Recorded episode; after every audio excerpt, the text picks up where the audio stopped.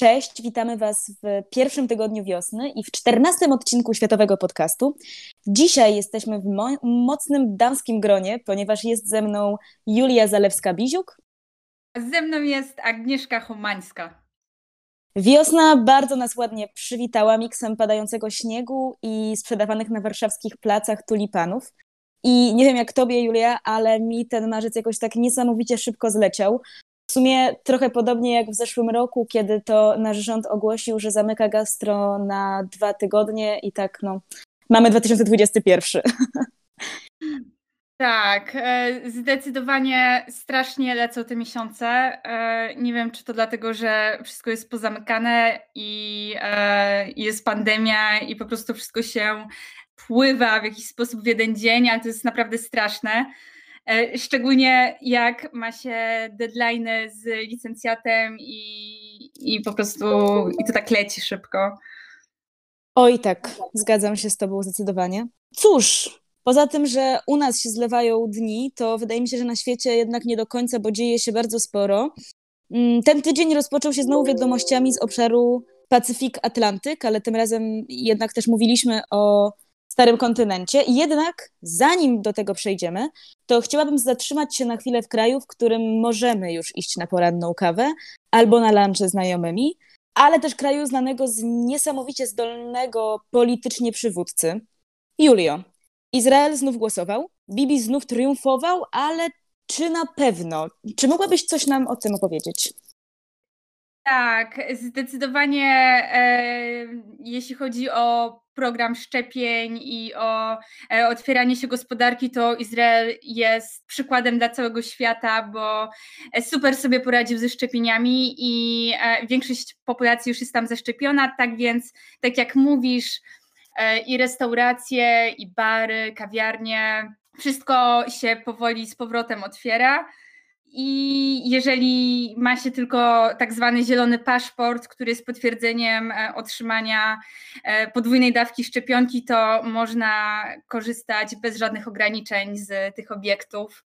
Tutaj rząd odniósł naprawdę e, duży sukces. No i tak, no i w środę były te wybory parlamentarne na marginesie czwarte w przeciągu ostatnich dwóch lat. Znaczy, nie dlatego, że kadencja tak krótko trwa w Knesecie, bo normalnie powinna trwać 5 lat, ale dlatego, że Izrael nie jest w stanie e, wyłonić w wyborach rządu większościowego.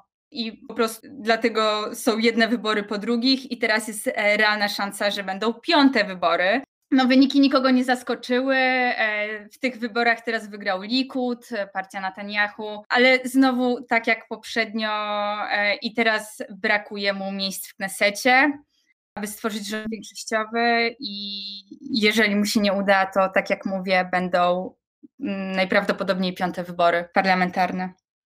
Ale w takim razie, czy istnieje jakaś szansa na przełamanie tego impasu? I czy Netanyahu jest w stanie stworzyć rząd, a może w ogóle powstanie jakaś alternatywa względem um, Likudu, jakaś inna koalicja niż znamy dotychczas ostatniej historii Izraela? Po podaniu wstępnych wyników e, w środę, e, kiedy Netanyahu publicznie ogłaszał swoje zwycięstwo, powiedział, że e, teraz stoi przed nimi bardzo ciężka praca, kilkumiesięczna, próby uformowania koalicji. Jeżeli, jeżeli się to nie powiedzie, to Netanyahu powiedział, że albo powstanie koalicja albo powstanie rząd pod przewodnictwem, pod przywództwem e, Likudu, albo no, będą piąte wybory. I e, Oczywiście on kierował te słowa do partii, które jeszcze nie, nie zadecydowały, czy wolą się opowiedzieć po stronie na przykład alternatywnej koalicji, która takowa jest teraz tworzona, czy właśnie po, rządowe, e, po stronie rządowej. Ale tak, właśnie jest w tym trochę prawdy, co mówi Netanyahu, dlatego że e, o ile duża część sceny politycznej jest e, w silnej opozycji do Likudu, to jednak, to jednak opozycja jest tak podzielona, e, była tak podzielona w tych wyborach, jak chyba nigdy. Dla przykładu, o ile rok temu o ile rok temu w wyborach e, startowały cztery bloki opozycyjne, cztery ugrupowania opozycyjne, to w tym roku było ich dziesięć. I to jest naprawdę całe spektrum partii, które są bardzo różne pod względem e, światopoglądowym, ideologicznym, bo w tej opozycji i mamy partie nacjonalistyczne, które są w silnej opozycji do powstania państwa palestyńskiego, na przykład, które są za aneksją e, zachodniego wybrzeża, a z drugiej strony mamy też w tej samej opozycji e, partie reprezentujące Palestyńczyków, partie, partie islamskie, arabskie, partia Ra'am dla przykładu. Więc o ile e, przed Netanyahu stoi bardzo trudne zadanie i w bardzo ciężkich warunkach będzie mu się mierzyć, bo ta scena polityczna jest naprawdę bardzo podzielona. Duża, e, duża część e, jej jest, tak jak mówiłam, negatywnie nastawiona do idei współpracy z Likudem to wydaje się być jeszcze mniej prawdopodobnym, aby e, powstała alternatywna koalicja względem Kudu. Bo tak naprawdę, czy mogłabyś powiedzieć, jak rozkładają się miejsca w parlamencie i jak wyglądałaby właśnie ta potencjalna rządowa koalicja, ta koalicja na dzień dzisiejszy? Oficjalne wyniki, co prawda, zostaną podane dopiero w przyszłą środę, jednak już e, teraz można powiedzieć, że Likud zdobył 30 miejsc w Knesecie. A aby mieć większość, to potrzebne jest 61 miejsc, więc brakuje 31. E, mm, jeśli teraz dodałoby się do Likudu partie, które e, oficjalnie popierają Netanyahu, jego politykę, to są partie prawicowe, e, religijne, ultraortodoksyjne, które już wcześniej wchodziły w koalicję z Likudem, to mamy 52 miejsca. 52 miejsca, czyli brakuje nadal 9. Tak, to prawie, Ale prawie. jeżeli by spojrzeć w drugą stronę, na e, w stronę opozycji, e, to jakby połączyć partie, te, wszystkie partie prawicowe, centrowe, lewicowe, partie arabskie, to wyszłoby 57 miejsc, tylko że e, to nie będzie takie proste nakłonić te wszystkie partie do współpracy ze sobą e, jako opozycja. No bo tak jak mówiłam, właśnie ona jest bardzo podzielona. Na przykład trzecia partia, która e, zdobyła trzecie miejsce w tych wyborach parlamentarnych, teraz ona obiecała swoim wyborcom, że nigdy nie wejdzie w koalicję z Yesh Atid, która jest drugą partią e, w tych wyborach, na, największą. To jest partia centrowa, więc tutaj e, już, e, już mamy taką obietnicę stworzoną przez jedną opozycyjną partię, że ona nigdy nie wejdzie, nie wejdzie w skład e, rządu z inną opozycyjną partią, która w dodatku ma najwięcej miejsc całej opozycji w Knesecie.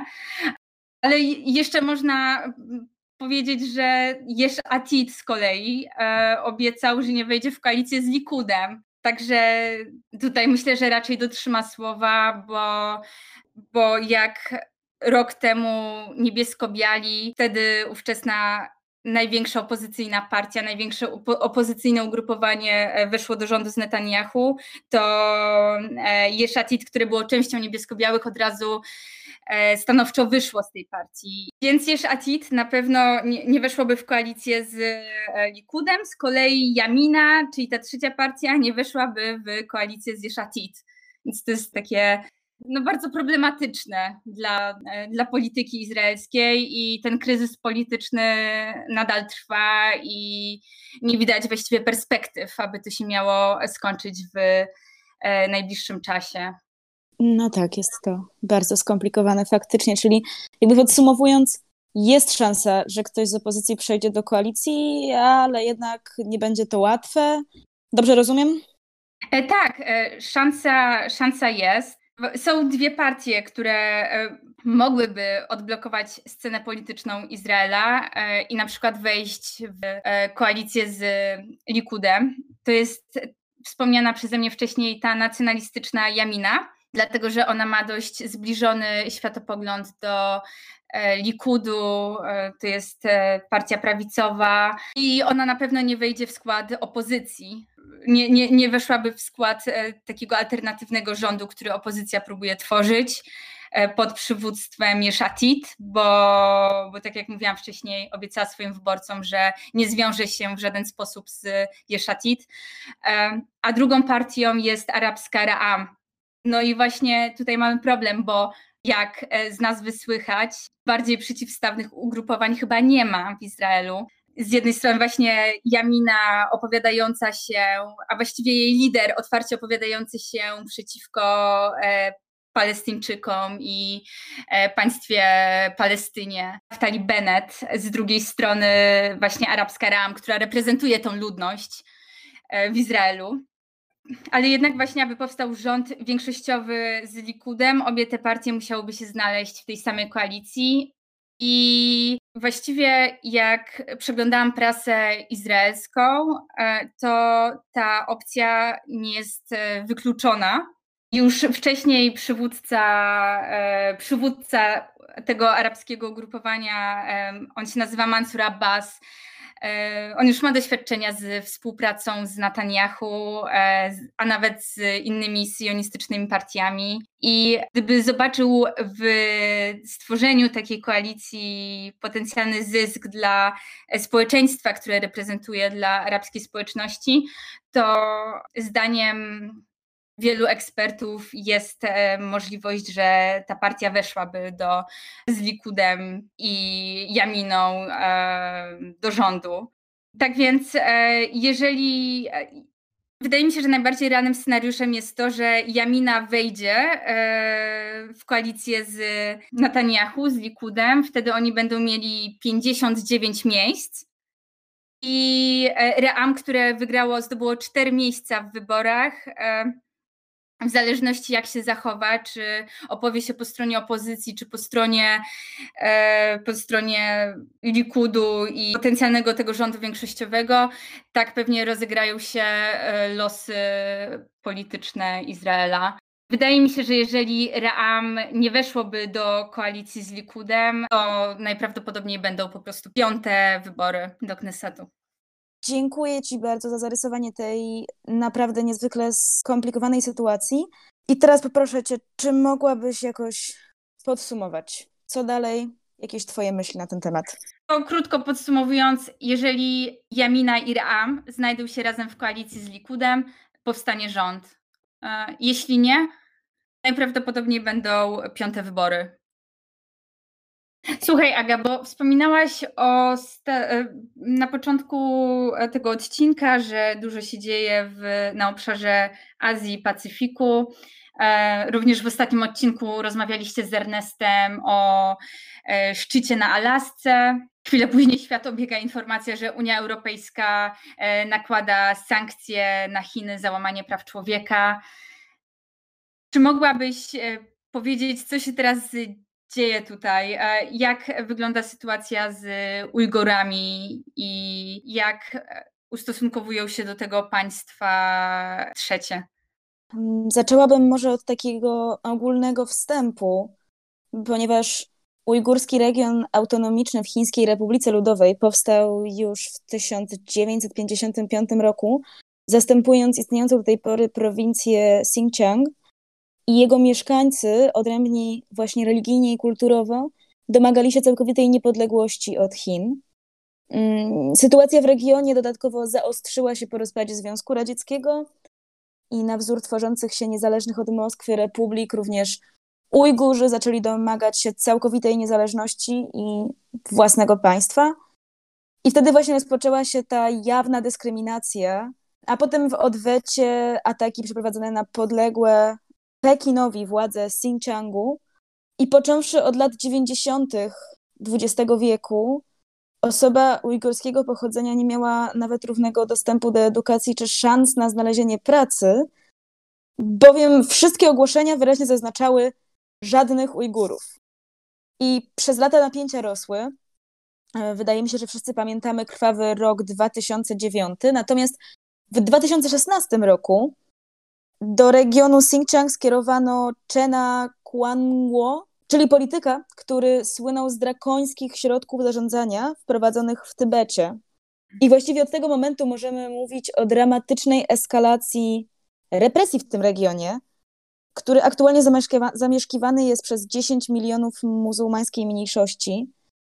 I sytuacja tam jest naprawdę dramatyczna. No, można ją nazwać demograficznym ludobójstwem gdyż tak naprawdę tuż pod nosem społeczności międzynarodowej Ujgurzy są powoli eksterminowani. Mamy bowiem do czynienia z dyskryminacją w dostępie do pracy czy usług publicznych, z zastraszaniem, przymuszaniem do sterylizacji, z separowaniem od rodzin, pozbawianiem dzieci, czy wysyłaniem właśnie do obozów reedukacyjnych, co dla mnie, jak o tym czytałam, no coś strasznego. E, przychodzi mi na myśl orwellowska rzeczywistość, gdy myślę o kamerach i szpiegach porządkowych monitorujących, co obywatele robią nie tylko na ulicach, ale też w swoich prywatnych domach, mieszkaniach. E, ja, jeśli chodzi o te obozy, szkoły, szacuje się, że co dziesiąty dorosły Ujgur osadzony jest w takim miejscu.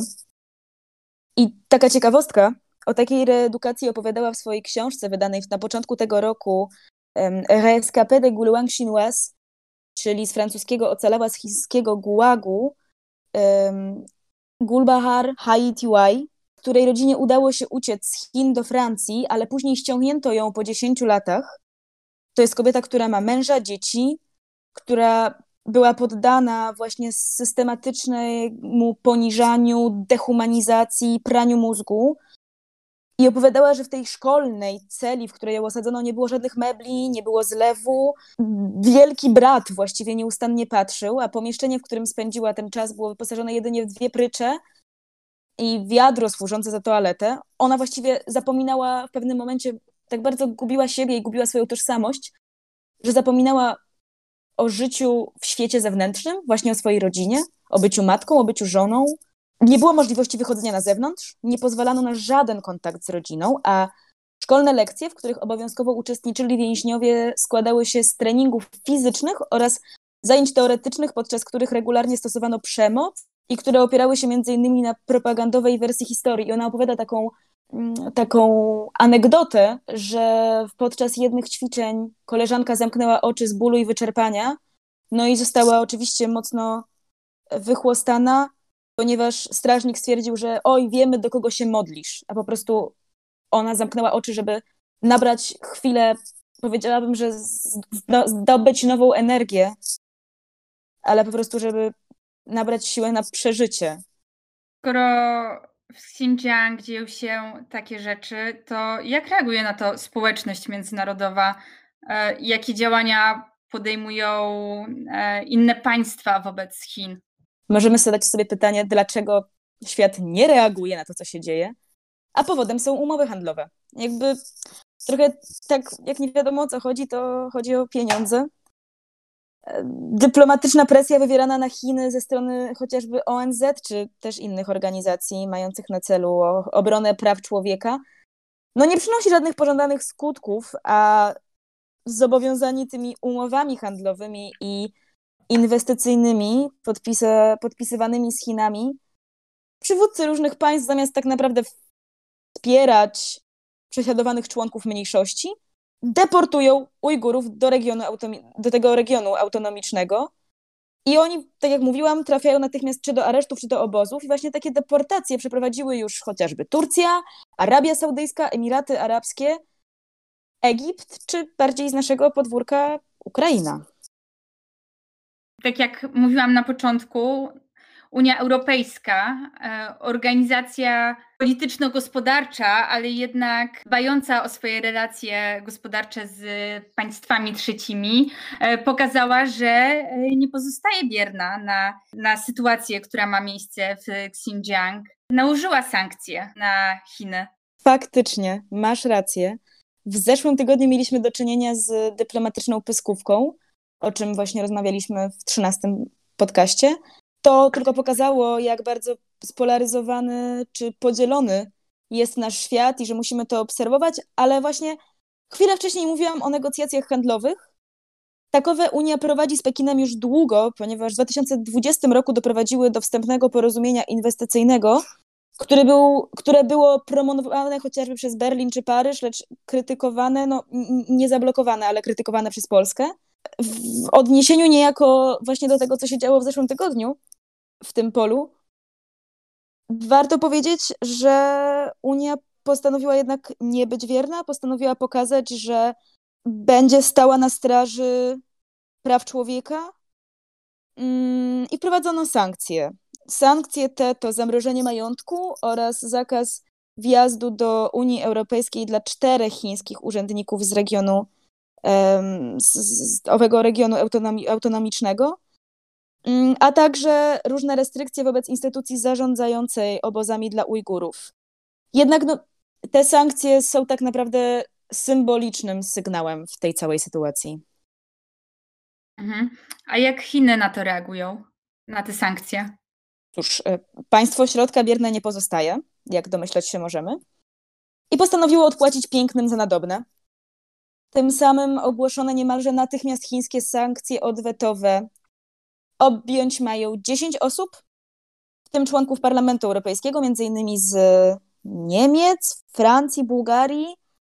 Jeśli dobrze pamiętam, jeszcze parlamentarzystów z Holandii, Litwy i Belgii, mhm. a także dwóch naukowców zajmujących się właśnie Chinami z Niemiec i Szwecji. I sankcje uderzą też jakby nie tylko w nich, ale w członków ich najbliższych rodzin.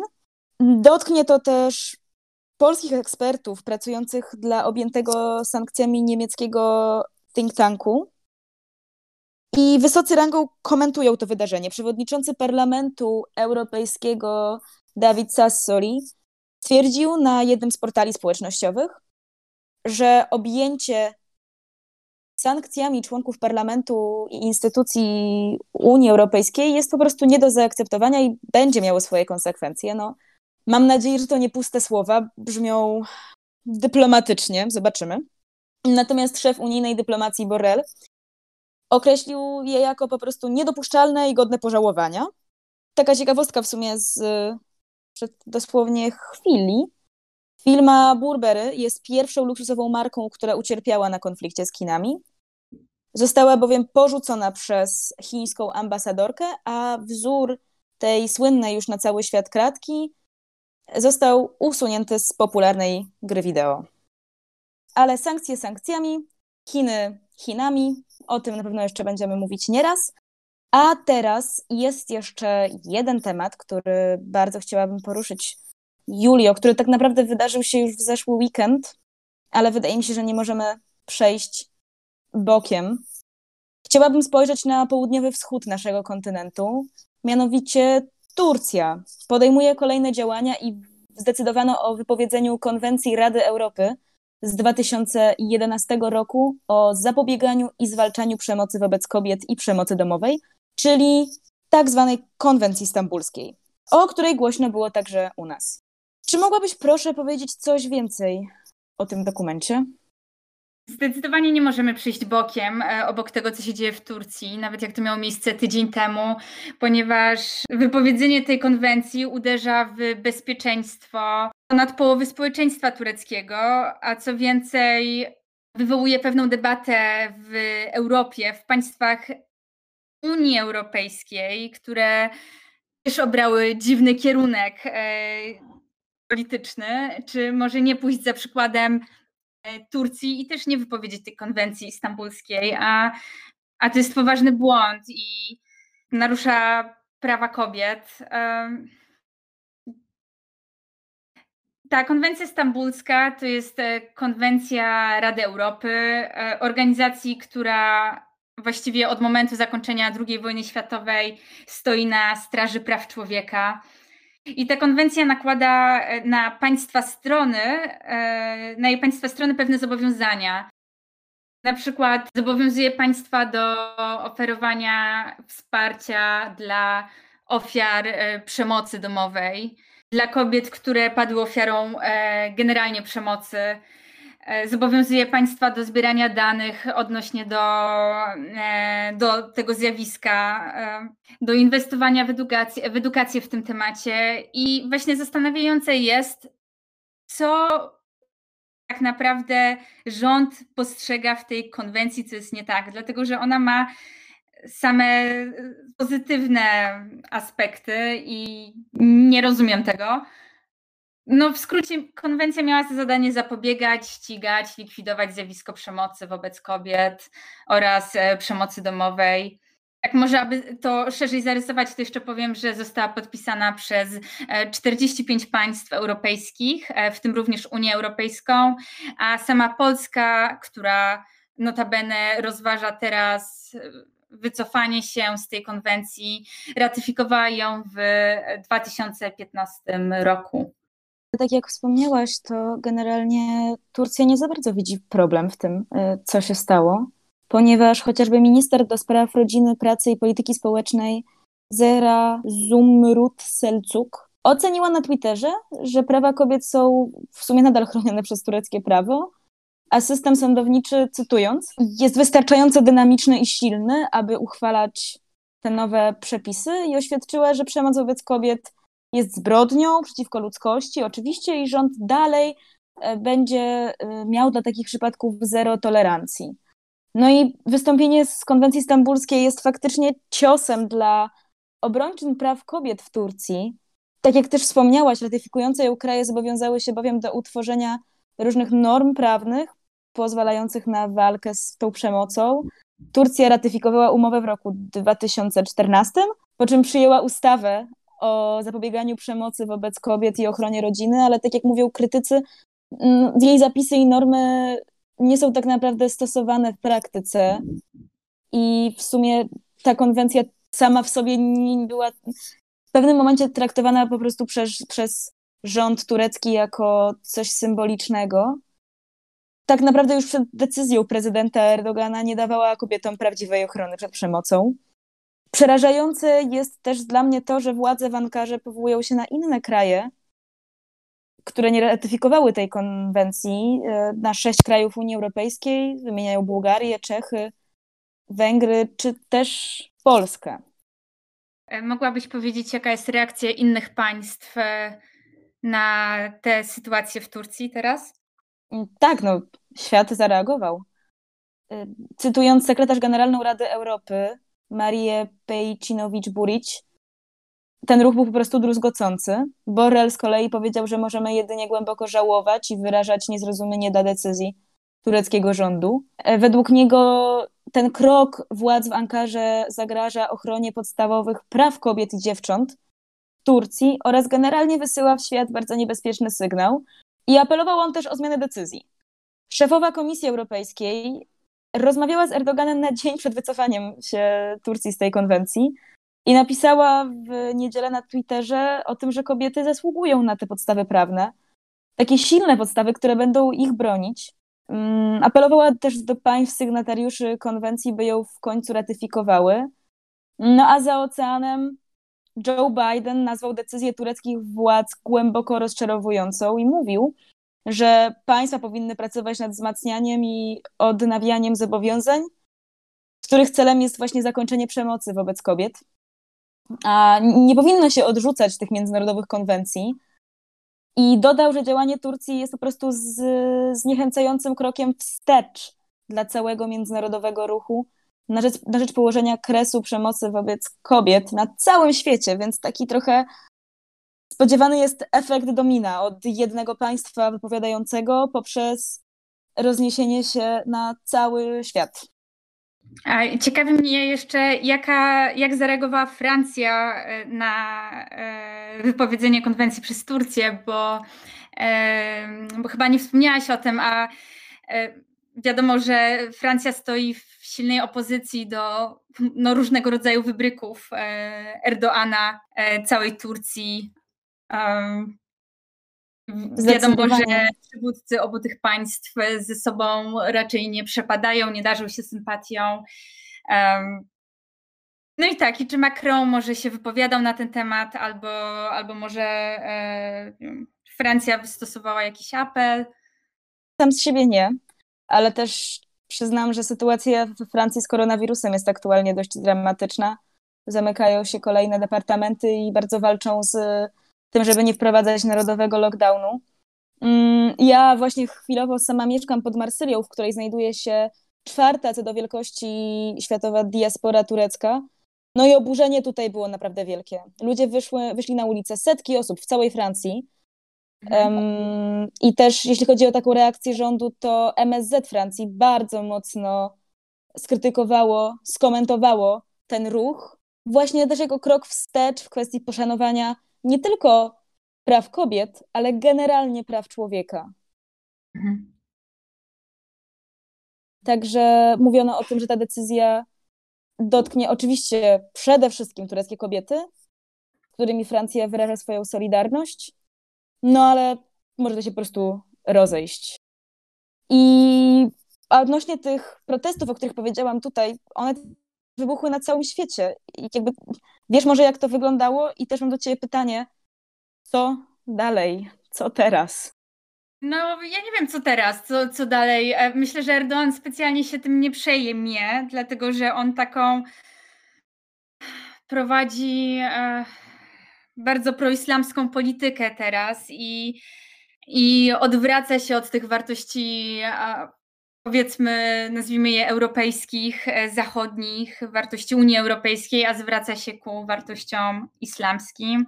I, I mamy i przykład e, Hagi Sofia, która została przemianowana na meczet i teraz wypowiedzenie konwencji stambulskiej, e, co jest myślę takim kolejnym krokiem przy wprowadzaniu, nazwałabym to islamu politycznego w Turcji.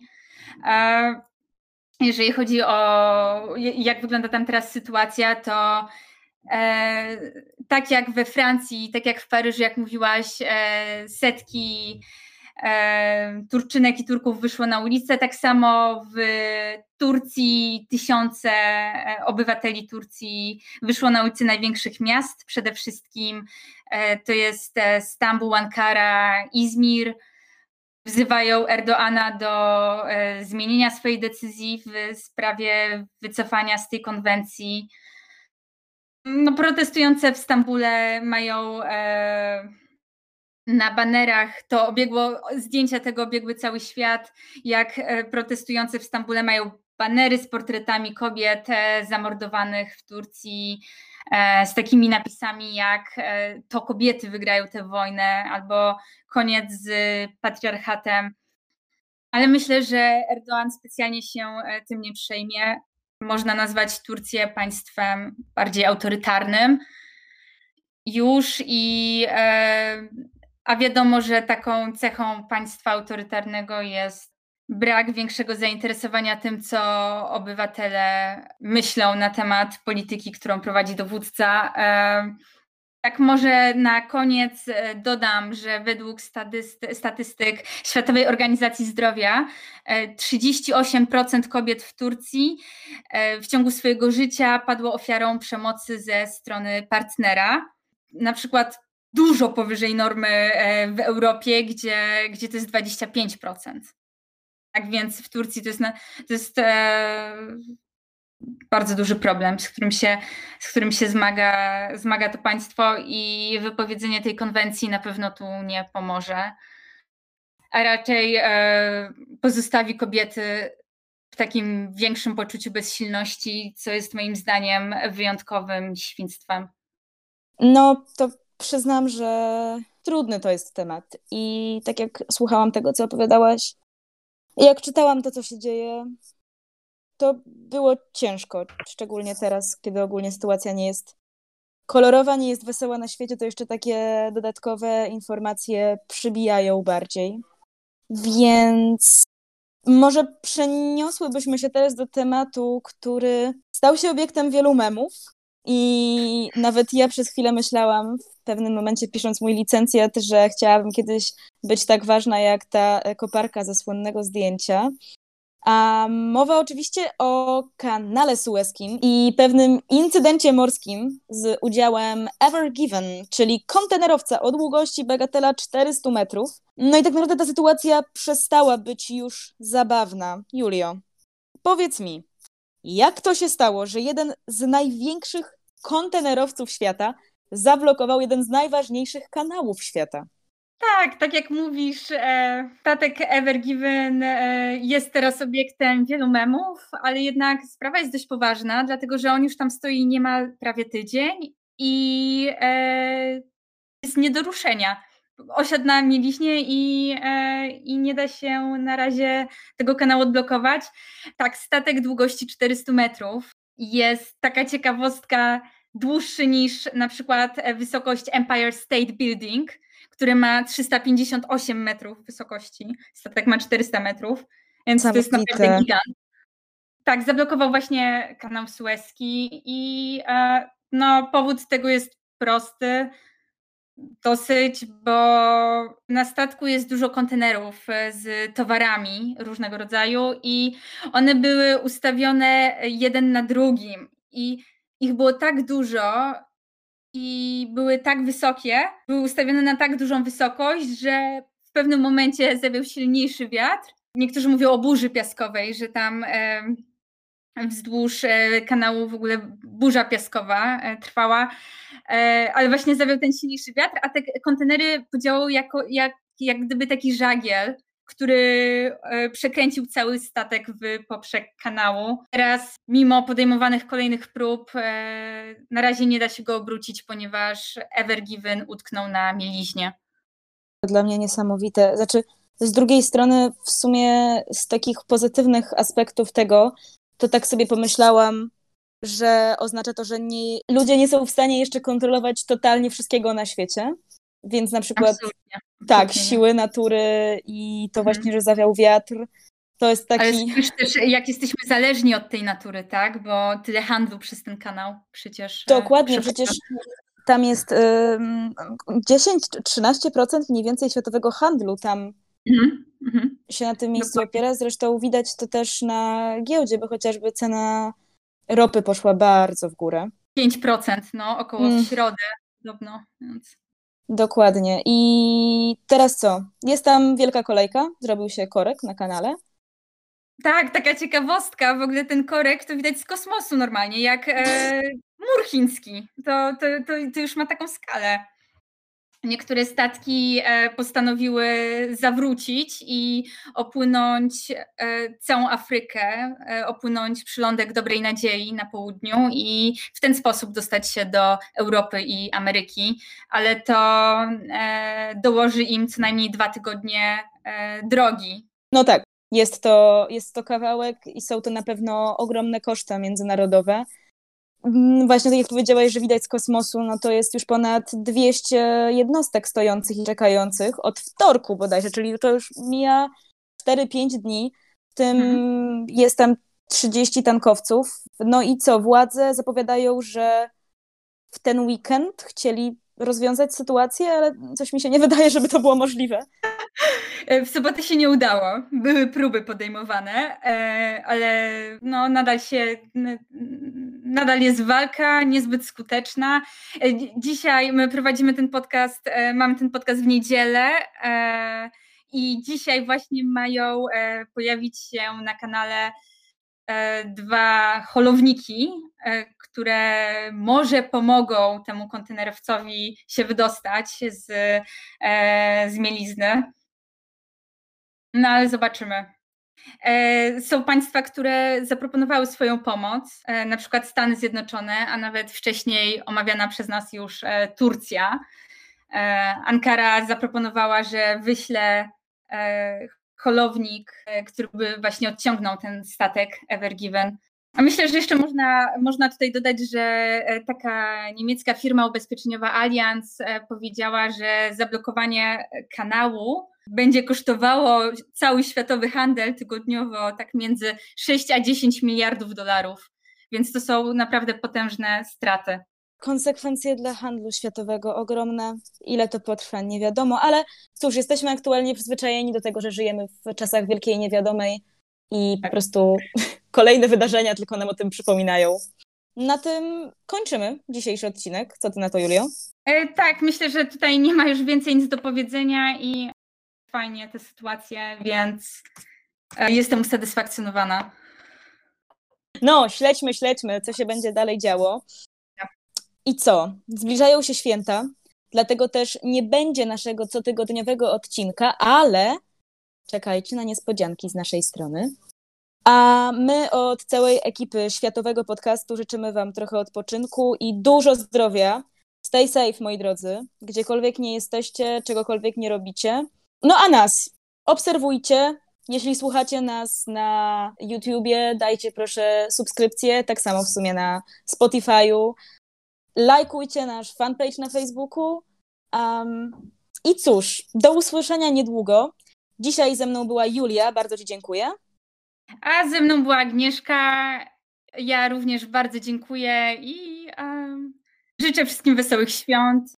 Mam nadzieję, że sytuacja z kanałem Suezkim się rozwiąże. Cena tak paliw więc, spadnie, proszę. Będziemy śledzić to na bieżąco i na pewno w kolejnych odcinkach będzie to fajnie omawiane. Także dziękuję jeszcze raz bardzo, Aga. Dzięki bardzo.